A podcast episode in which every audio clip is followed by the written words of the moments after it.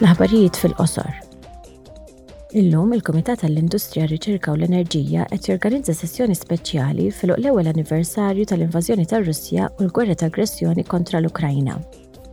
Il-membri se jaqsmu fehmithom mal-Kummissarju għall-Enerġija Sinjura Kadri Simpson u mad-Direttur Eżekuttiv tal-Aġenzija Internazzjonali tal-Enerġija Isur Fatih Birol dwar l-effetti tal-gwerra fuq il-politika tal-enerġija tal-Unjoni Ewropea. Din il-ġimgħa il-gruppi politiċi qed jippreparaw għas-seduta plenarja li jmiss tal-Parlament Ewropew.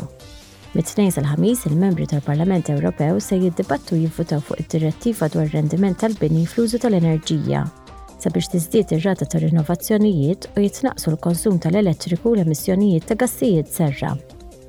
Il-Parlament se jivvota wkoll fuq il-pakkett lesti għall-mira ta' 55 fil-mija, li jistabbilixxi regoli aktar stretti għall-Istati Membri rigward l-emissjonijiet ta' gassijiet serra u jtejjeb il-bjar tal-karbonju naturali bl-għan li sal-2050 l-Unjoni Ewropea ssir l-ewwel kontinent newtrali għall-klima.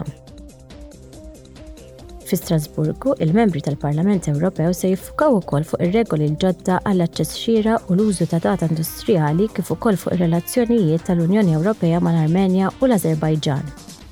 Se jiddiskutu kif se tiġi żgurata s-sigurtà tal-enerġija fl-Unjoni Ewropea fl-2023.